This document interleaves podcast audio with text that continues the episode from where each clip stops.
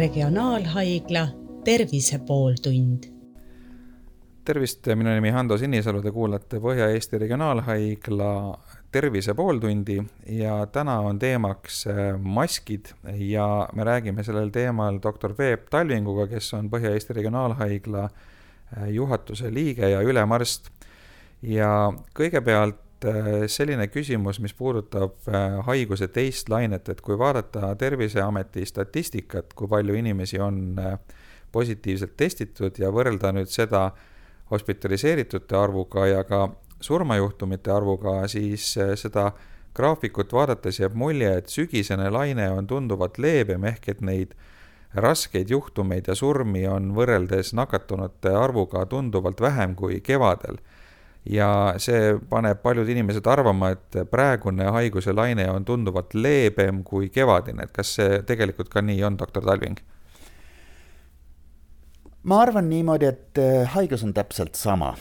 küsimus on ähm, erinevustes esimese ja teise laine ajal ja esimene laine tuli kiiresti, tuli varjatud nakkusega, meil oli infektsioonikontrolli eh, meetmeid oli meil piiratult, meil ei olnud eh, maske, kindaid, kitleid igal pool, mis meil täna on.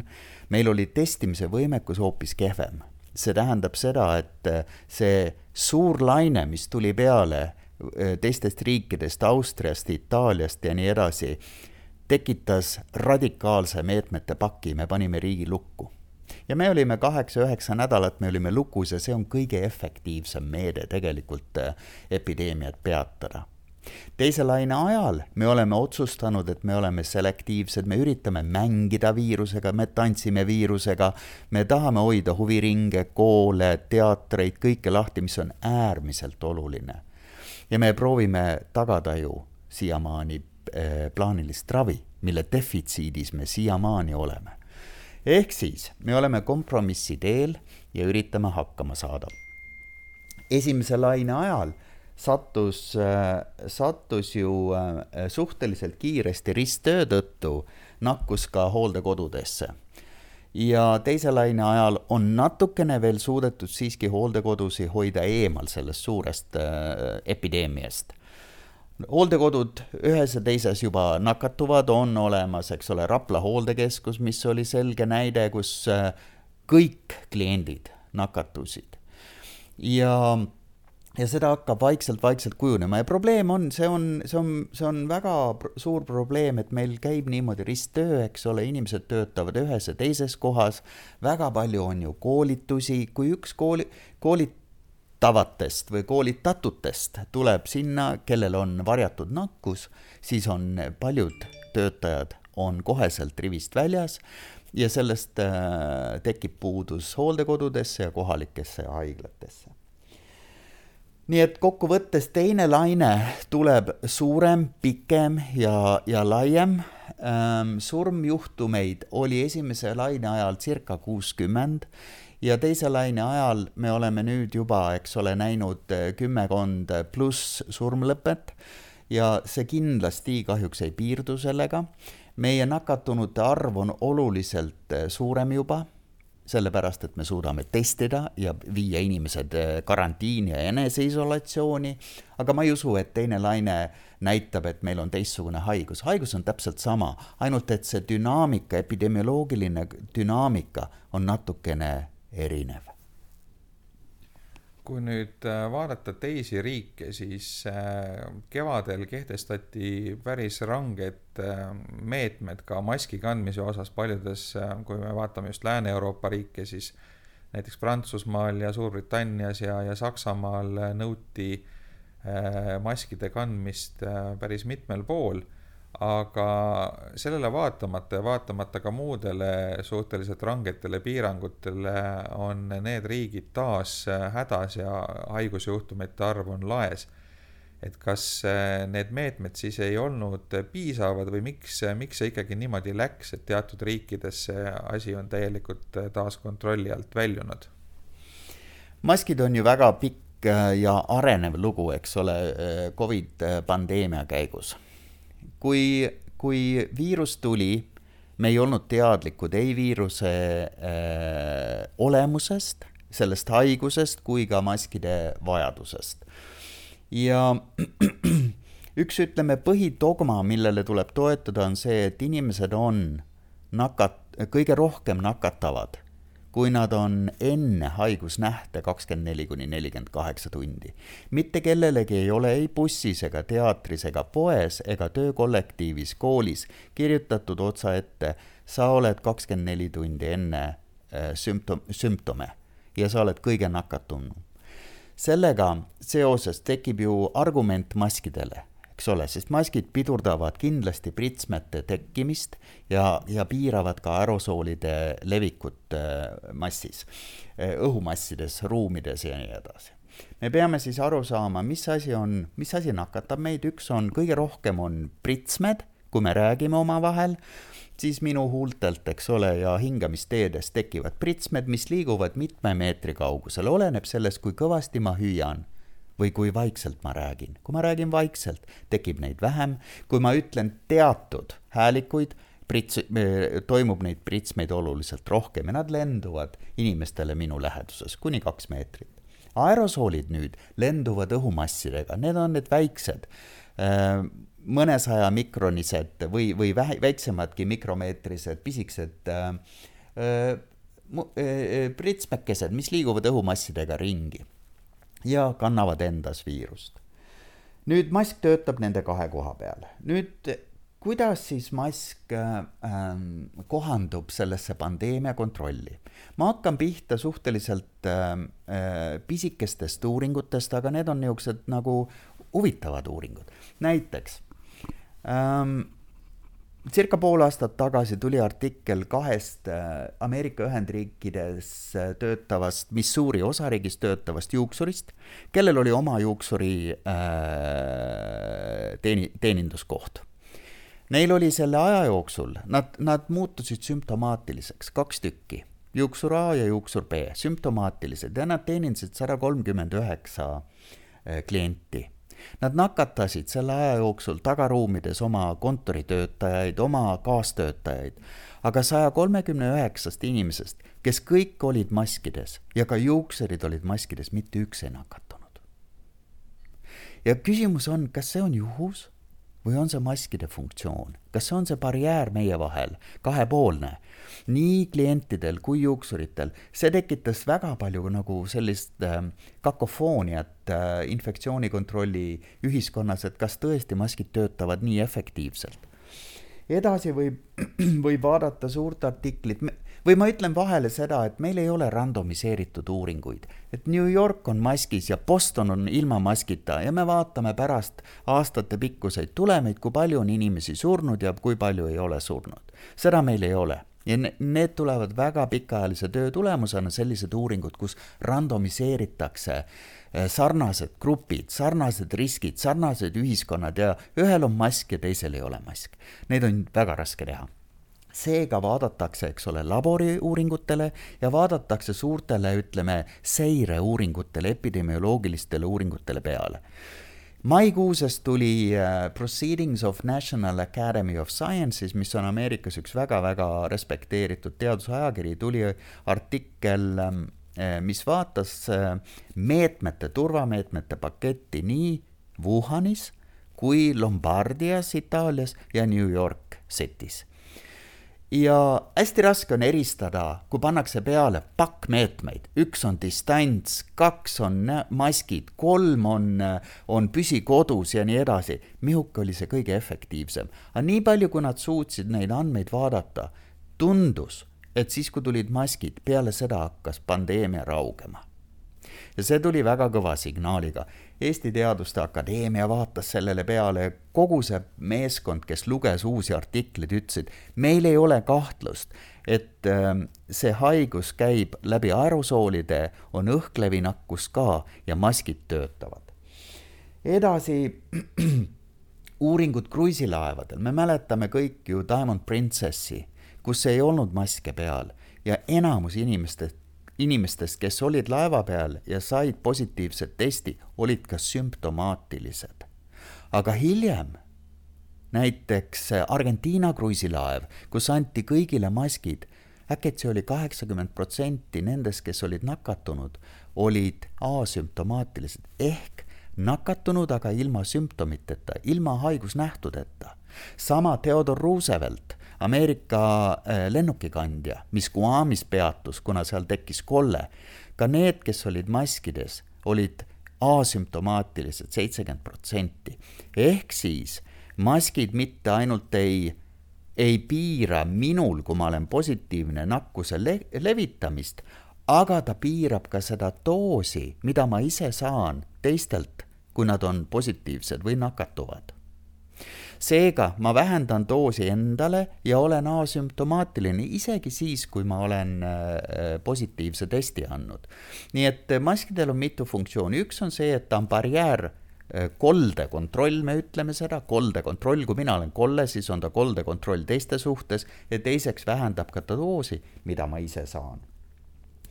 ja lõpuks ma tahaksin öelda ka seda, et kui palju meil on uuringuid selleks vaja et kas, äh, kas turvavöö päästab meid liiklusesse minnes, kui ma satun õnnetusse, kas päästevest on efektiivne, kui palju meil on vaja randomiseeritud uuringuid, see on lihtne meede, see ei ole hõbekuul, kõige tähtsam on tegelikult distants, aga kui me distantsi hoida ei saa ja me ei saa seda teatrites, bussides, äh, kinodes ja, ja poodides, kanname maski no kui vaadata muu maailma näiteid veelgi, siis äh, tundub, et Aasias on asi suuresti kontrolli alla saadud ja eriti Hiinas äh, olid kasutusel ka ikkagi väga ranged meetmed, et ma lugesin näiteks artiklit selle kohta, et karantiini jäänud inimestele paigaldati äh, korteri ukse külge andurid, et kui nad korra ukse lahti tegid, siis oli juba politseil teada, et midagi toimub, et nagu sisuliselt nagu, nagu vangipõli et meie siin demokraatlikes ühiskondades oleme tunduvalt leebemad,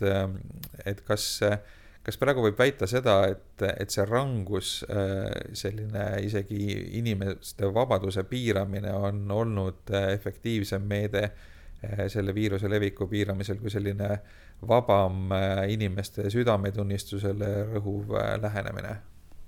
ma olen täiesti veendunud selles, et raske pandeemia kontroll ei ole demokraatlik protsess see on nagu, see on nagu sõjaväeprotsess, kus sa annad konkreetse käeviipega, annad korralduse ja see täidetakse ja sa kontrollid korraldusi.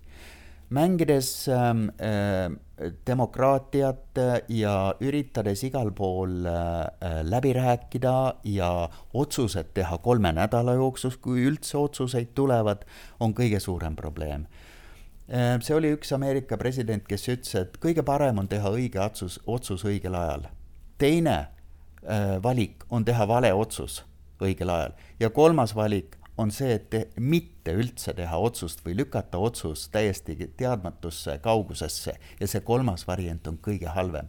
traumakirurgina ma ütlen ka seda alati, et otsustamatus on kõige hullem.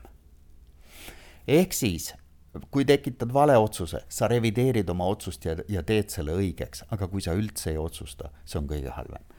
ja ja praegu on niimoodi, et, et me peame need otsused tegema, muidu läheb asi valeks. mis puudutab Aasiat, Aasia on, on väga kuulekas ühiskond, seal võib olla, asi võib olla täiesti vales suunas, aga kui nad saavad aru, et probleem on olemas, siis nad võtavad otsused vastu. me praegu vaatame Singapuri, me vaatame Jaapanit, me vaatame Taid väga hästi kontrolli all. jah, riigid on lukus riigid on lukus tihtipeale, aga nad kannavad ka maske väga-väga kõrgelt. väga erinev sellest, kui me vaatame Euroopa riikide peale või Ameerika Ühendriikide peale. kõik oleneb sellest, nagu me mäletame, mille pärast Lombardia plahvatas esimeses laines. väga tihedalt asustatud piirkond, väga tihe suhtlemine aga Lombardia sarnaneb väga palju New Yorgiga ju. Lombardia sarnaneb väga palju Chicagoga ja, ja Detroitiga ja nendes piirkondades tõesti on plahvatuslik äh, levik.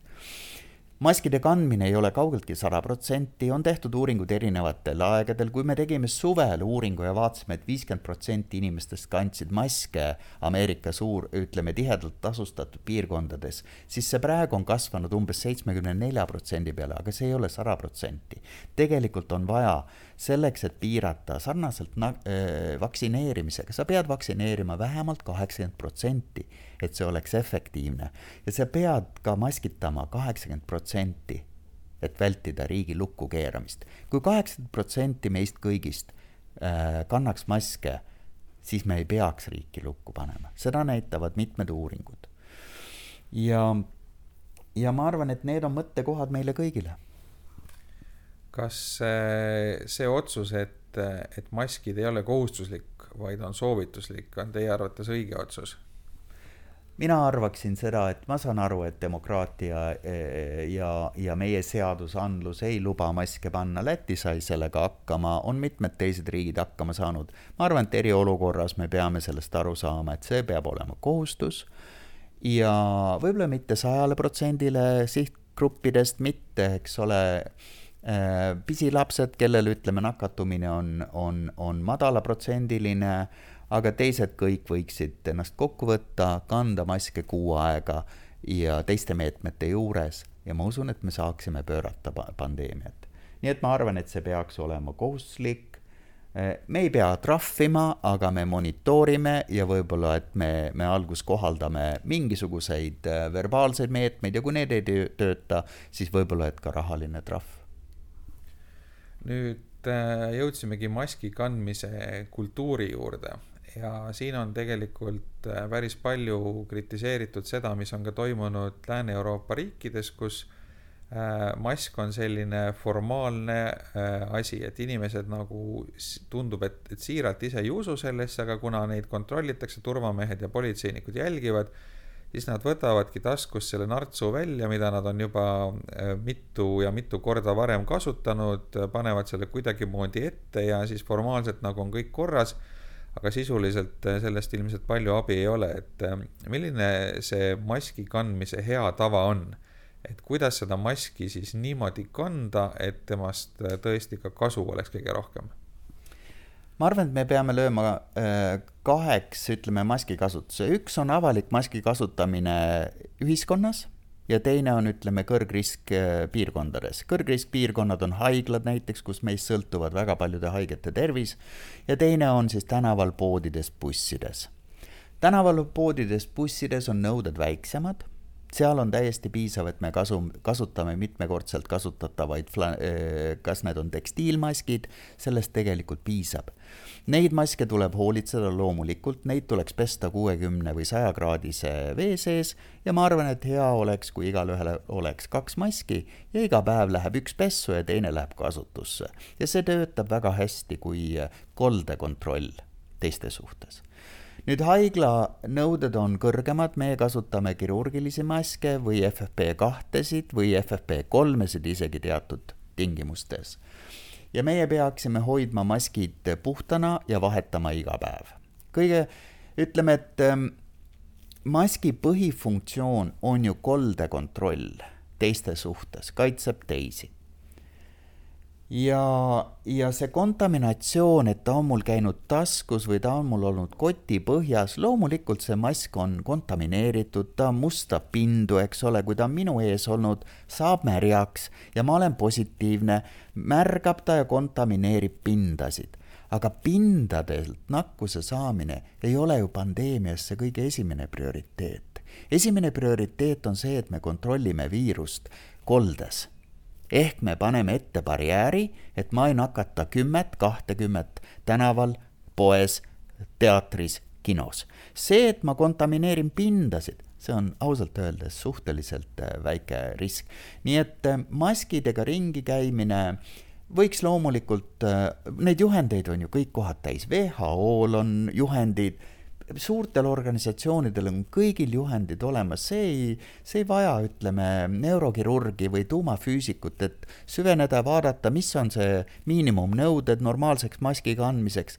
puhas mask ette, peseme tekstiilmaske iga päev ja me saame sellega kenasti kõik hakkama no see jutt veidike erineb sellest retoorikast, mis kevadel äh, räägiti ja siis äh, oldi palju rangemad, et ma mäletan neid jutte, et et öeldi, et kindlasti ei tohiks äh, ühekordset maski mitu korda ette panna, et kui, kui sa näiteks jood või sööd, et siis pärast seda tuleks kindlasti uus mask võtta ja, äh, ja nii edasi, et, et nüüd ma saan aru, on need nõuded veidike leebemad ja ja, ja ikkagi see, kui ühekordset maski pärast söömist või joomist uuesti ette panna, et see tegelikult on ikka pigem lubatud tegevus, mitte keelatud. Ja jällegi, kus me, millest me räägime, kas me räägime eh, töötades, ütleme, töökollektiivis kuskil väljaspool haiglat või haiglas, me haiglas vahetame peale, ütleme, toitumist, paneme uue maski, paneme puhta maski. ma arvan, et haiglas oleks täiesti normaalne kolm maski vahetust tööpäevas, puhas mask ette nüüd töökollektiivis, kui ma töötan, eh, töötan, ütleme, bussijaama kassas, siis ma võin rahulikult kasutada tekstiilmaski, puhast tekstiilmaski ja toiduajaks me võtame ära, toiduajad, toiduajad loomulikult on vahetu kontakt, kui tööpere istub laua ümber, võetakse maskid eest ära ja süüakse koos. siin on koht, kus tuleb mõelda, kas mitte hajutada ja võib ka minna loomulikult toidupakkide peale ja süüa oma koha, oma töökohas ja eraldi. Ma arvan, et ähm, selle peale tuleb ka mõelda aga jah, mõnevõrra on, on, ütleme, et need äh, nõuded äh, leebemad ja, ja mõistlikumad ja, ja puhas mask, hästi pestud mask ja koldekontroll, need on nagu printsiibid, mis peaksid olema meeles. Kuidas on lugu maski kandmisega vabas õhus, et äh, selle kohta ka on äh,, on räägitud seda, et tegelikult, kus on hea õhuvahetus, tuul puhub äh,, meil on juba varsti ka miinuskraadid väljas, et, et kas see tähendab seda, et vabas õhus, kui mitte liiga tihedasti koos olla, et siis nagu maski tingimata vaja ei oleks. Jaa, ma olen sellega täiesti nõus, et aerosoolid lahjenduvad ju äh, vabas õhus, tuul puhub ja nii edasi. nii et äh, vabas õhus ma ei näe mingisugust vajadust äh, kanda maski. kõik reeglid peavad siiski rakenduma, püsi kodus, kui oled haigusnähtudega testi ennast esimesel võimalusel iga pisikese sümptoomiga. see võtab, rakendab need tavameetmed ja kui siis ütleme vabas õhus, võtame näiteks aastavahetus, kas tuleb kontsert Vabaduse väljakul ja või ei, kui palju inimesi sinna kokku lasta ja nii edasi. loomulikult, kui keegi on, on, on presümptomaatiline, väga nakkuslik ja köhib, ütleme selles koldes, kus on kakskümmend, kolmkümmend inimest ümber, kõik võib olla. Loomulikult võib, võib nakatuda ka seal. aga üldiselt äh, vabas õhus, kus on hea äh, õhutsirkulatsioon ja massid vahetuvad, aerosoolid ei kontsentreeru inimeste ümber, on risk oluliselt väiksem.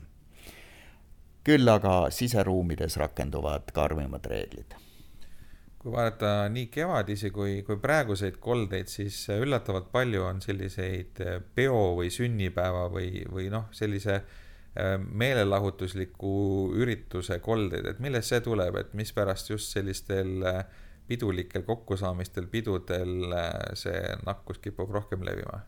suhteliselt lihtne, sellepärast et seal on tavaliselt taustmuusika, ma hästi ei kuule, mida sa mulle ütled. Ma nõjatun sinu poole, et kuulda, teine pool, eks ole, üritab tõsta häält, number kaks on, pidudel on, on inimesed kaotavad selle taju, sellepärast et tihtipeale on ju alkoholi ka mingil määral äh, kaasatud. Ja see kõik tekitab seda, et meie füüsiline kontakt läheneb, me tõstame häält, me kasutame äh, kasutame kõvemat häält, me pritsime pritsmeid ja, ja loome aerosoole mis selles piirkonnas on. Ja sellest johtuvalt tekivad kolded. me ju mäletame kõik seda vabank, eks ole, või, või, või, või teised peokolded, kus kohast teine laine mõne, mõnevõrra, ütleme, alguse sai. ja, ja kindlasti on spaad, peokohad, kus inimesed on lähestikku, natukene ebakained, räägivad kõva häälega, on perfektne retsept selleks, et äh, viirus leviks nüüd, äh, kui äh, inimesed hakkavad planeerima igasuguseid äh, jõuluüritusi, kuigi peaminister on üles kutsunud neid, neid mitte korraldama, siis noh, selline laiendatud perering ka, et võib-olla sa ei ole nende inimestega igapäevaselt koos, ja söögilauas istudes ei ole ka võimalik ju maski ees hoida, et milline selline vastutustundlik käitumine sellises olukorras on, et kui tahaks ikkagi sugulaste ja lähedastega koos jõululauas istuda Äh, kuidas siis hoida ennast tervena või peaks üldse sellise asja lükkama edasi, kui, kui saabuvad paremad ajad, rahulikumad ajad? ma arvaksin niimoodi, et lähiperekond, oma pere ja, ja, ja võib-olla, et ähm, esimese astme sugulased kuni kuus või kümme või kes on teadlikud hästi, oma peas mõtlevad, tervisedeklaratsioon, kas ma olen olnud kontaktis kellegagi, kas mul on mingid haigusnähud, tervisedeklaratsioon oma mõtetes võivad koguneda, see pisike pere. aga mõeldes näiteks mu enda peale, kus mul on, kus mul on isad-emad, kes on kaheksakümne ja kaheksakümne viie aastased, mina neid ei kaasa see aasta äh, jõulupidudele ma lihtsalt ei kaasa ja see on nende pärast. ja ma arvan, et kui kõik niimoodi mõtlevad, et nad väga filtreerivad oma peas läbi riskiastmed, kas keegi, räägivad kõigiga läbi, kas on keegi olnud kuskil kollektiivis tööl, kus kohas on see võimalik ja mitte kaasata vanaemasid ja vanaisasid see aasta oleks mõistlik ja panna see piirarv kas kuue või kaheksa peale üks asi, mis veel tekitab küsimusi, on see, see kontaktsuse või lähikontaktsuse teema, et, et päris sageli on sellised olukorrad, et, et minu pereliige või, või töökaaslane ütleb, et, et tema tuttav või keegi, kellega ta koos oli, puutus kokku kellegiga, kellel diagnoositi positiivselt eh, koroonaviirus, et nüüd eh, otseselt eh, testitud positiivsena neid ei ole, aga samal ajal see kokkupuude oli ja, ja mingi risk on äh, selleks äh, haiguse edasilevimiseks ehk et siis üle ühe astme. et mida sellises olukorras teha, et noh, mulle tuleb poeg Tartust külla ülikoolist äh, ja ta ütleb, et tema sõbra, tüdruksõbral diagnoositi koroona ja ta on sõbraga kokku puutunud, selle tüdruksõbraga mitte. nii et üle ühe astme nagu kontakt on, et mis siis teha? üle ühe astme ei ole väga suur risk kui on lähikontakt olnud, eks ole, viisteist minutit või rohkem, lähem kui kaks meetrit, peaks see inimene olema ju karantiinis kodus. ja ta ei peaks välja tulema. aga need üle ühe ja üle kahe, need ei ole nagu suur artikkel. kui sa oled ebakindel, pane mask ette. nii et äh, kokkuvõte sellest jutust siis äh, mask on hädavajalik, et äh, seda kanda, et kaitsta nii ennast kui teisi nüüd eh, see retoorika, mis oli kevadel, et, eh, et need eh, tekstiilmaskid ei pea kinni teatud suurusega osakesi ja nii edasi, siis tegelikult uuringud on näidanud seda, et isegi kui nad sada protsenti neid osakesi kinni ei pea, siis inimesed haigestuvad tunduvalt nõrgemalt, ehk et nad saavad küll viiruse kätte, aga väiksema doosi ja siis nad haigestuvad ja põevad läbi kergemini. et igal juhul sellest maskist on kasu ja, ja tegelikult eh, kuigi see, et eh, meil on praegu maski kandmine rangelt soovituslik, siis tegelikult me peaksime kõik seda maski ikkagi kandma, sest eh, kui piisav hulk, see on siis umbes kaks kolmandikku või sinnakanti inimesi maski kannab, siis see on see kriitiline mass, mis võimaldab seda haigust ka kontrolli all hoida, kui maski kannavad vähem hulk inimesi, näiteks pooled või kolmandik, et siis tegelikult eh, see ei ole piisav selleks, et seda pandeemia levikut eh, kontrolli all hoida. Eh, doktor Talving, kas teil on veel mõni selline oluline soovitus lisaks eelpool öeldule inimestele südamele panna? et mitte kordav olla, siis kõik, kõik meetmed on olulised ja ja ma, ma nagu korra veel mõtlen, et kõik need, kes, kes kirjutavad arstidele, saadavad küsimusi, nõuavad tõestuspõhisust, randomiseeritud uuringuid, süstemaatilisi ülevaateid, metaanalüüse maskide kohta. võtke aeg maha, mõelge sellele, et kõik meetmed on olulised kõik inimesed on olulised selleks, et kontrollida seda pandeemiat. Me saame sellega hakkama. aga küsimus on selles, kui hästi me saame hakkama seni, kui tuleb vaktsiin. vaktsiin tuleb, aga ka vaktsineerida on vaja vähemalt kaheksakümmend protsenti inimesi enne, eh, kui see, ütleme, immuunsus, karja immuunsus on läbi vaktsiini tekkinud ja seni me peame hakkama saama. seni on pikk aeg, sellepärast et vaktsiini tegemine ei ole metafüüsika. raske on aga see viia kõikide inimesteni, kes vajavad vaktsiini. ja üks lause veel, vaktsiin ei ole lahend, vaktsineerimine on lahend, sa pead jõudma kõigi inimesteni ja andma selle. nii et eh, sinna on meil pikk maa minna, kui me jõuame, ütleme, vaktsineerituteni Eestis ehm, kuuskümmend, seitsekümmend, kaheksakümmend protsenti järgmise aasta jooksul, see on hästi tehtud. aga seni me peame vastu pidama ja kutsun kõiki üles äh, olema kaasosalised ja mõtlema hoolikalt äh, ja, ja aastavahetus ja jõulud, veetke neid mõistlikult ja kandke maski. aitäh, rääkisime juttu doktor Peep Talvinguga äh, ja te kuulasite Regionaalhaigla Tervise pooltundi, küsimusi esitas Ando Sinisalu, aitäh kõigile kuulamast! Regionaalhaigla Tervise pooltund